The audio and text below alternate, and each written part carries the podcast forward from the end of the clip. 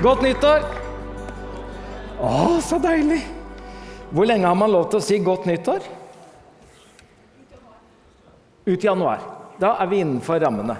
Vi har denne serien Hjemlengsel, som eh, går over tre søndager.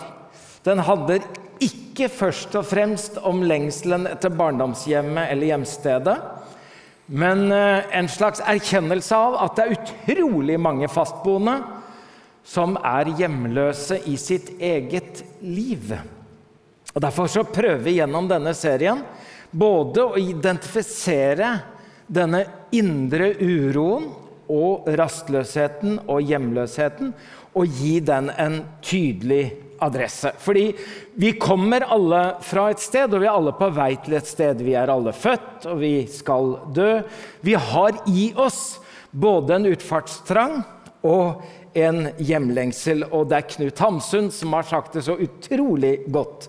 Mennesket skal ikke være alle steder fra. Det skal være hjemmefra. Det der er veldig bra sagt. Så da er det rett og slett enkle spørsmålet hvor er hjemme? Hvis vi snakker om hjemlengsel, må det jo finnes et hjem. Og hvis du ikke knytter det til barndomshjem eller hjemsted, hvor er hjemme? I Salme 42 over den salmen står overskriften 'Lengsel etter Gud'. Og vi leser sammen i Jesu navn.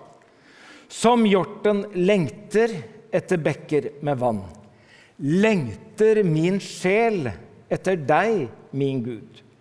Min sjel tørster etter Gud, etter den levende Gud. Når skal jeg få komme fram for Guds ansikt? Og i vers 8. Dyp roper til dyp.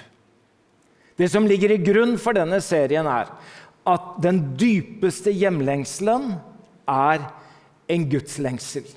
Altså at hjemme er der Gud er. Vi kommer ikke alle steder fra. Vi kommer hjemmefra. I fortellingen om den bortkomne sønnen i Lukas 15 Eh, så forteller det at han dro til et sted langt borte. Hvordan kan vi vite at det var langt borte? Det må jo ha et slags utgangspunkt. Og utgangspunktet var selvfølgelig hjemme. Og det han oppdaget når han kom langt bort, det var hvor hjemme var. Hjemme, det er der far er. Og det var når han fikk gjenopprettet relasjonen med sin far, at han kom og ble den gjenkomne sønnen. Så har vi denne broren, storebroren, som var tilsynelatende hjemme, mens den viste seg å være helt borte. Faren er ute og inviterer han inn. Det vil han ikke. Han vil altså være i området, i nærheten, i miljøet om du vil, men han vil ikke inn i den nærheten som fellesskapet og som far inviterer han inn i. Så da handler det altså ikke bare om å komme hjem en eller annen gang, men det handler om å være hjemme å finne livet i Gud og finne hvilen i Gud.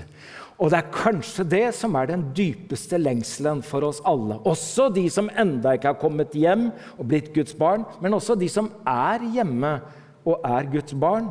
Å finne hvilen og livet i Gud. Og da har de fleste av dere eh, fått med dere at kirkefader Augustin har sagt noe så vakkert i sine bekjennelser om og til Gud.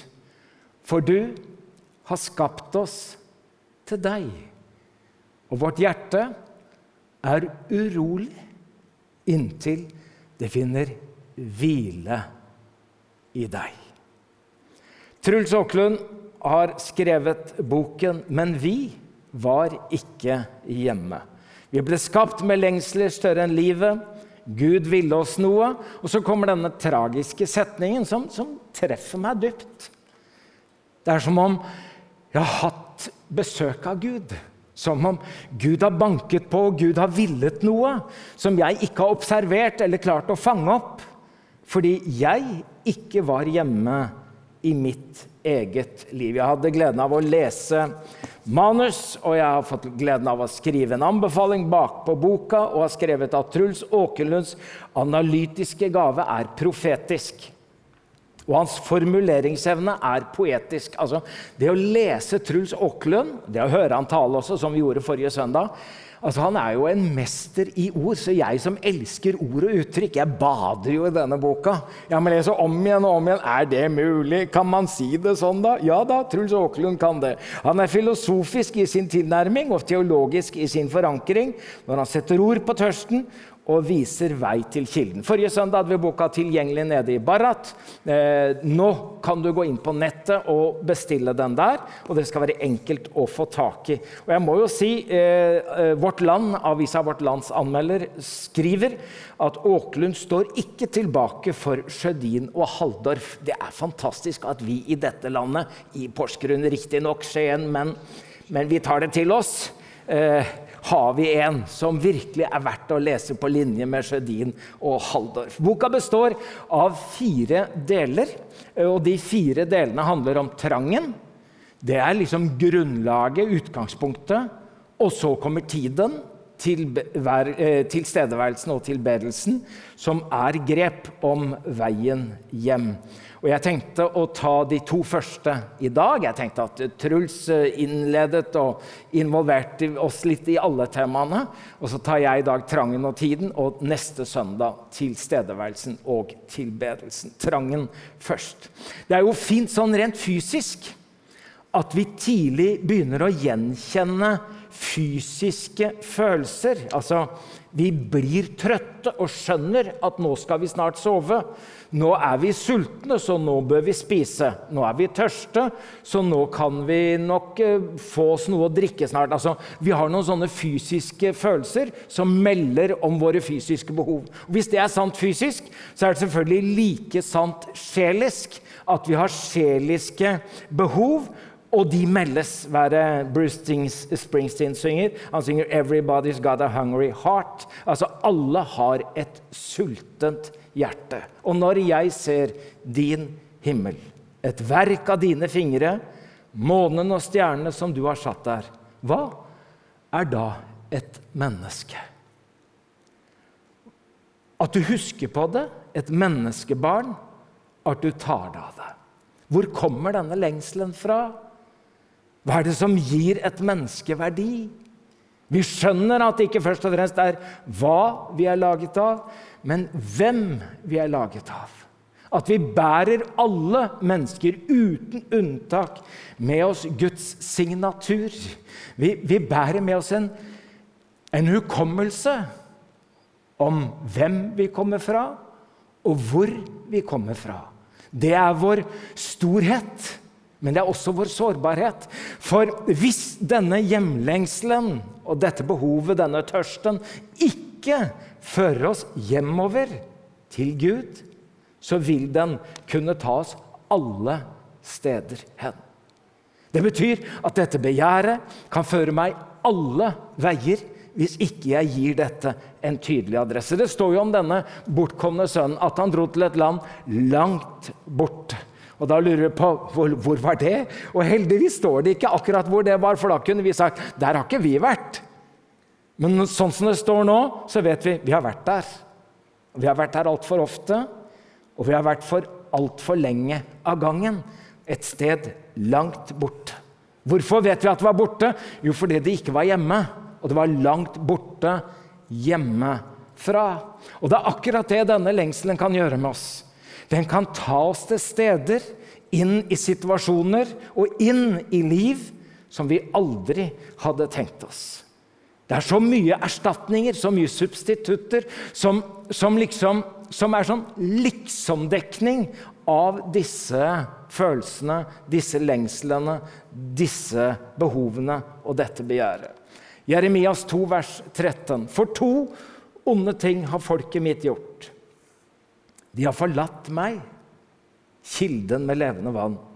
Det er det ene. Det andre De har hugget seg brønner sprukne brønner som ikke holder vann. Det er ikke bare det at vi har snudd ryggen til Gud, men vi har vendt oss til andre ting som blir våre substitutter og erstatninger og avguder. Som kanskje gir oss en tilfredsstillelse et øyeblikk eller en periode, men over tid blir vi ikke mette. For sulten kan mates, men den kan ikke mettes. Jesus sier det til kvinnen som han møter på brønnkanten utenfor Samaria. Så sier han den som drikker av dette vannet, han blir tørst igjen. Det er som om hele hendene kan bekrefte det. Ja.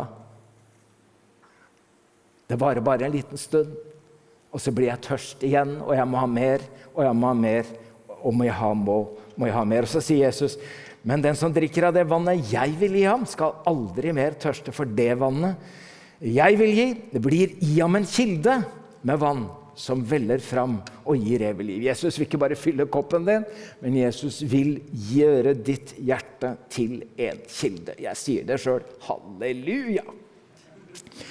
C.S. Lewis, mannen bak Narnia-filmene og Narnia-bøkene, kanskje først og fremst, eh, eh, sier det fantastisk. Hvis jeg i meg selv finner en lengsel som ikke kan bli tilfredsstilt av noen erfaring i denne verden, er den mest sannsynlige forklaring at jeg ble skapt for en annen verden. 1995 ble jeg utfordret av Eldsterådet her i Philadelphia til å komme og bli forstander. Jeg hadde da vært ansatt i TV 2 og jobbet som TV 2-pastor siden 1992. Og øh, den kanalen kom på lufta. Det er mulig at jeg Jeg vet ikke. Jeg jeg eh, sa takk for tilliten, men nei takk. Allerede dagen etter at jeg hadde sagt det, skjønte jeg at så lett kom jeg ikke unna. Det ble starten på en veldig sånn For meg veldig krevende kallsprosess. I den kallsprosessen så skiftet på en måte dimensjonen veldig rart.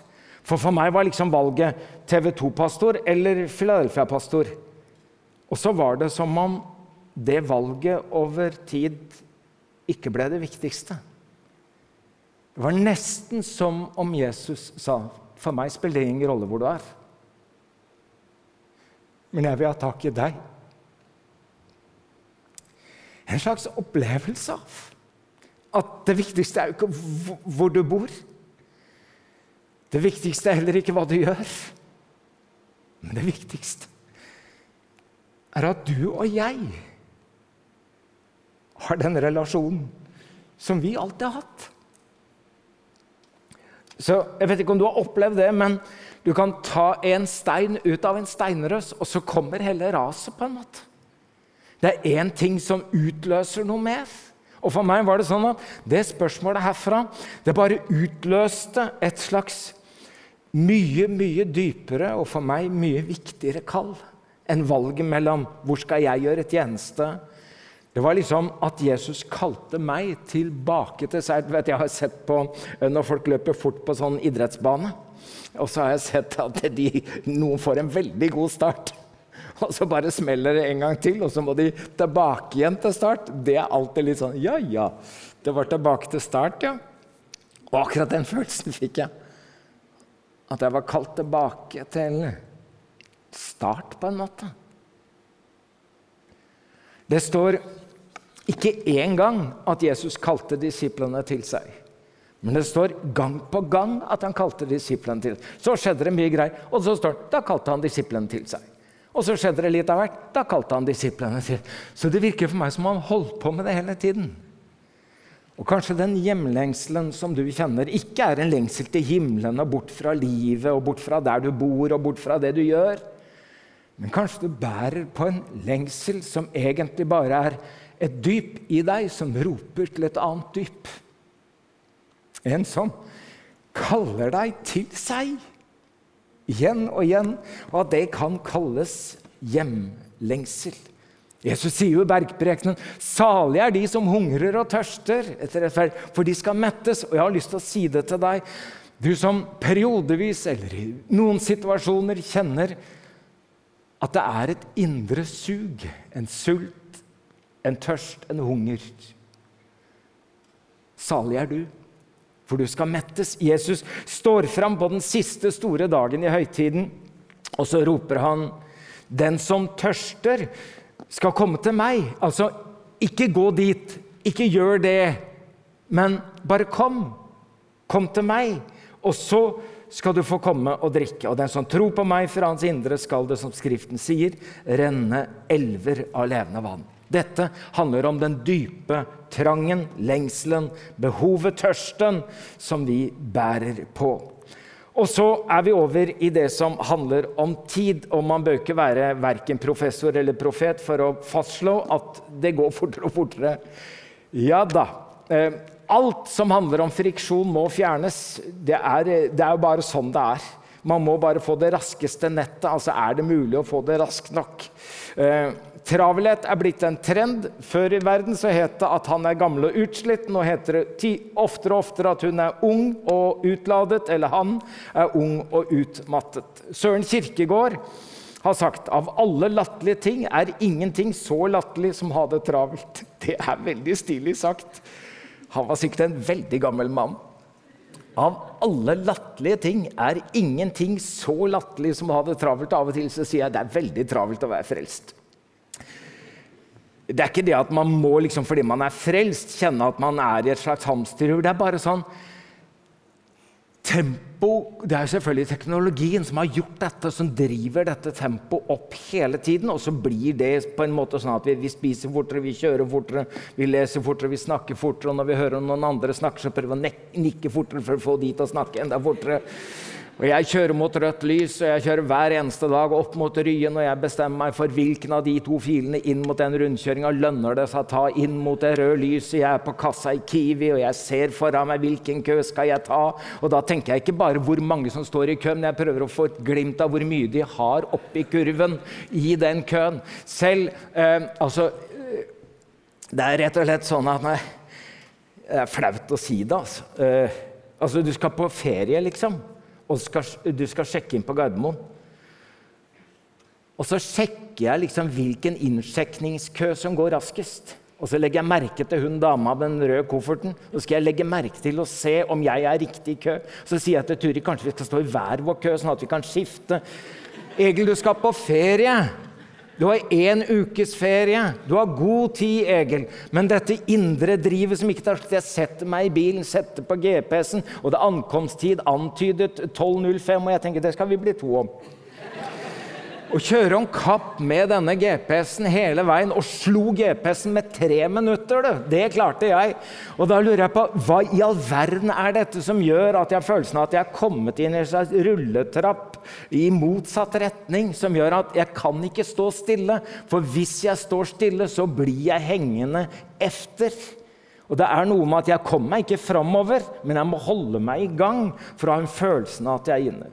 Et vanlig gjennomsnittsmenneske i Norge nå sjekker telefonen 150 ganger i løpet av døgnet. 150, og det er gjennomsnitt, og dere er langt over gjennomsnitt, så bare slapp av. Det betyr hvert sjette minutt gjør du det, og noen har sikkert gjort det allerede flere ganger under denne gudstjenesten. Du later som du gjør notater, men det gjør du ikke. Du bare sjekker telefonen. Altså, tiden må temmes, og det er det det handler om. Det er ikke sånn at noen av oss har for lite tid men vi må lære oss å temme den. Vi må lære oss å skille mellom det som er raskt og kan være raskt, og det som skal være langsomt, og prøve å skape skille mellom den raske tiden og den langsomme tiden. Det betyr at det er av- og påbryter og vekslingene i tempo. Sånn at ja, det er fantastisk at noe kan gå veldig fort, og noe skal heldigvis gå veldig fort. Men sånn at det som skal og må og bør gå sakte, skal få lov til å gå sakte. Av og til så har jeg følelsen av at jeg lengter veldig dypt etter sakte tid. Dette kan gå veldig sakte. Det er deilig. Jeg skal preke fort. Slapp av. Forkynneren 1,14. Jeg betraktet hver gjerning som blir gjort under solen. Se, alt er forgjeves. Det er som å gjete vinden, eller som det het før. Det er som jag etter vind. Vi trenger rytme. Det har vi snakket mye om. Rytme, hva er det? Rytme er jo, det er jo nettopp det som skaper disse mellomrommene. Det er det som mellom det raske og mellom det sakte. Og det er det praksisene som handler om å temme tiden. Og Truls Aaklund han antydet tre ting. Eh, og jeg hadde tenkt at vi skulle ta de. Og jeg var litt overrasket når jeg ser at han antyder søvn. Ja, det er fint. For det viser seg i det døgnåpne høyhastighetssamfunnet så er søvnen under press. Noen føler at søvnen er et slags unødvendig onde. Det betyr at det er den eh, faktoren i døgnet jeg kan gjøre noe med og forkorte mest mulig. Det er ikke sånn at alle trenger like mye søvn, men alle trenger et visst antall timer søvn. Så tåler de aller fleste av oss en våkenatt eller tre, bare det ikke blir over for lang tid. Dette er det jo da selvfølgelig gjort forskning på. Stort studium Stockholm, ved Stockholm universitet, hvor man rett og slett ikke bare undersøkte om hva skjer med det mennesket som over tid sover for lite, men hva skjer med det menneskets forhold til de menneskene menneskene rundt, altså relasjonene, når du over tid sover for lite. Og da finner man ut at dette med å sove x antall timer Søvn er helt nødvendig, ikke bare for egen helse, men også for de relasjonene. Man behøver selvfølgelig ingen teologisk begrunnelse for å sove, men eh, det er stilig at eh, Truls nevner det som en åndelig disiplin. Og kanskje jeg snakker til en forsamling hvor nettopp det å ta for mange netter på litt ulike greier kan handle også om åndelig disiplin i den sammenhengen. Den som sover, synder ikke, men den som ikke sover, synder iallfall med det. Det handler om å finne, å sove og våke og hvile og virke det er ikke en del av syndefallet, vårt behov for sønn. Det er en del av skapelsen som Gud har lagt ned i oss. Det er også en påminnelse om at jeg er et begrenset menneske. Og det at du ikke hele tiden skal strekke deg, men at du av og til skal markere at her går det en grense. Og de grensene går nettopp i skillet mellom hvile og virke, mellom å sove og våke. Og I den åndelige disiplinen så handler det også om at jeg gjennom søvnen og legger meg og sove lærer meg til å overgi og overlate til. Det syns jeg er vakkert. For når jeg legger ned, så kan jeg få lov å tro at Gud holder opp. Når jeg ikke gjennom natten klarer å styre og kontrollere, så tror jeg at Gud vil ha kontroll. For han vil ikke la din fot vakle, din vokter vil ikke blunde. Så han blunder ikke og sover ikke. Israels vokter en overgivelse til Gud. David eh, sier i Det gamle testamentet i dine hender overgir jeg min ånd. Og Jesus tar dette inn på korset når han skal dø. Noe av det siste vi hører fra Jesus på korset, er dette. I dine hender overgir jeg min ånd. Jeg tenker at det å sovne handler litt om en trening i å legge ned å legge av og legge over. Og Veldig mye av det som gjør at vi ikke klarer å sovne, handler om at vi ikke klarer å legge av og legge fra. Dette at Jesus på korset sier 'I dine hender overgir jeg min ånd'. Det er kanskje ikke helt tilfeldig at når noen dør, så sier vi 'hun eller han sovnet inn'. Min mor ble en gammel dame på 93 år. Hun hadde et fast sånn ritual når hun la seg. Så sier hun 'Gud, om jeg ikke våkner i morgen, så er jeg hos deg. Og hvis jeg våkner i morgen, så er du hos meg. En åndelig disiplin i søvn at hvert døgn får lov å ha et brudd mellom hvile og virke og sove og våke. Det er en måte å temme tiden. Det andre er stillhet. Og stillhet nå er jo ikke noe som kommer av seg selv. Stillhet er for mange av oss noe vi må skru på. Det betyr at vi slår av støyen, og så skrur vi på stillheten. Skape rom hvor det er stille. Eh, Truls kaller det også solotid. Det betyr ikke bare tid alene, men tid som jeg har i stillhet. Eh, vi hadde fem små barn. Nå er de store. Eh, vi hadde ikke rom til alle, så alle hadde ikke eget rom. Eh, jeg burde kanskje ha skjønt det tidligere, men særlig eldstemann. Han vil sikkert være anonym. Ja, veldig gøy. Jeg bare så han av og til smørte seg en skive eller en tallerken med brødskiver. Og tok med seg gitaren og gikk på do. Altså, Vi var jo mye folk. Det var folk overalt. Så det var sånn, hvor, hvor er det lov å være aleine? Jo, det er på do. Eh, og det er klart med mange andre så blir det mye bråk etter hvert hvis noen sitter der i to timer. Men det er allikevel en slags sånn iboende følelse av jeg trenger å skape et rom. Jeg trenger å skape en lomme.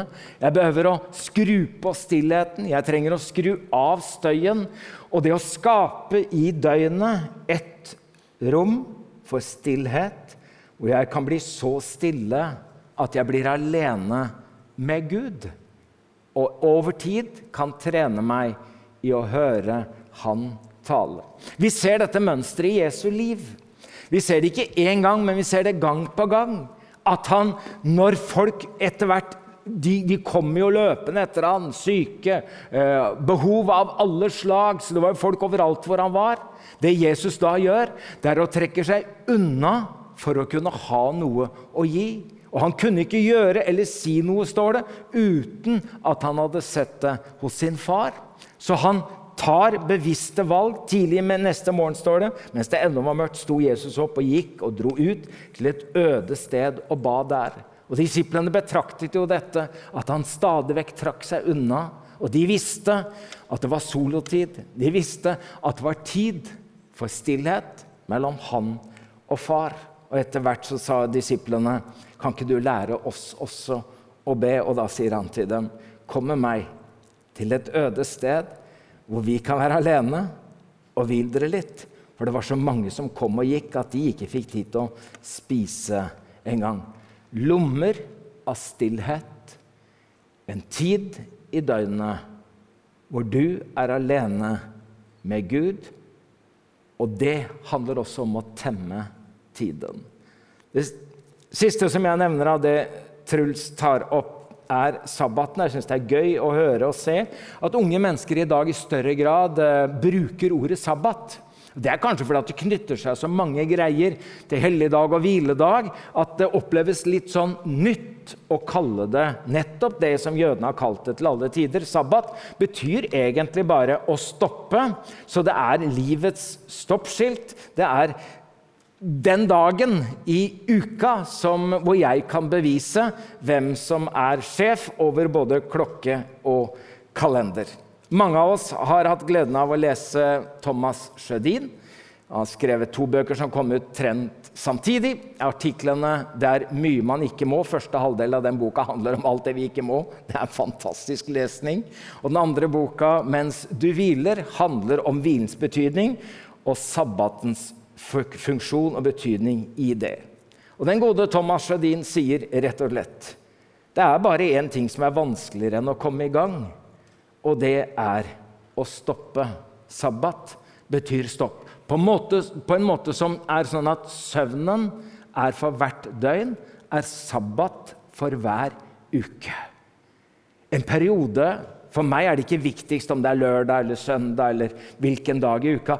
Men tenk deg ett døgn hvor du ikke gjør jobbrelaterte ting, løser problemer knyttet til jobb og profesjon, hvor du bare sier 'dette døgnet er ikke et tomt rom, men et fylt rom'.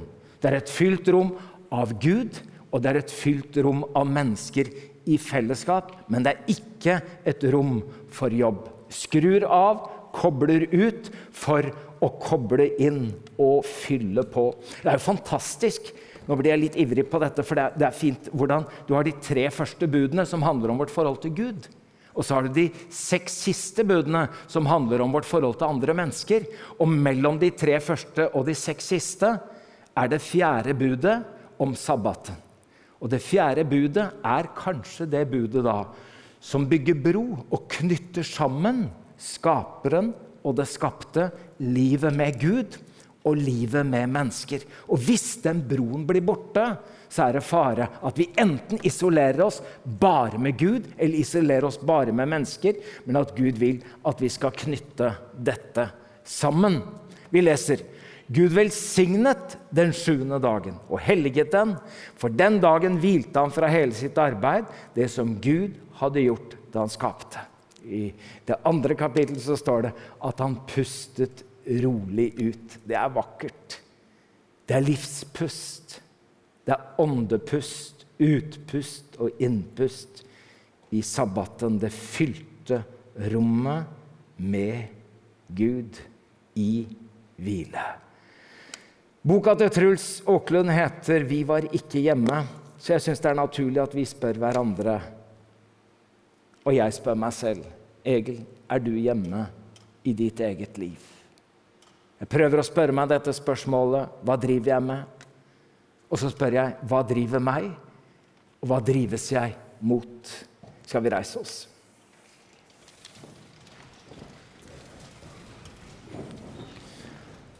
Hvis du er her som eh, ikke tenker at du er hjemme dypest sett i din relasjon til Gud som Guds barn, så er det det viktigste valget å ta på en sånn søndagskveld som dette. Det er at du inviterer Jesus inn i livet ditt, og at du sier 'Jeg vil komme hjem'. Jeg vil bli Guds barn. Jeg har vært borte, men jeg vil komme hjem. Ta det valget denne kvelden. Del det gjerne med den han eller henne du kom sammen med. Ta kontakt med noen av oss og snakk med oss. Men ta det valget om at du vil gå herfra denne søndagskvelden og vite at du er Guds barn. Og så er det alle oss som tenker at vi er Guds barn og tror at vi er Guds barn, men som trenger å høre dette. Er vi hjemme i livet? Har vi funnet den hvilen i Gud som vi har nevnt og snakket om i kveld? tørsten, lengselen, behovet om å finne hvilen og livet i Gud. Ikke bare komme hjem, men å være hjemme i vår gudsrelasjon.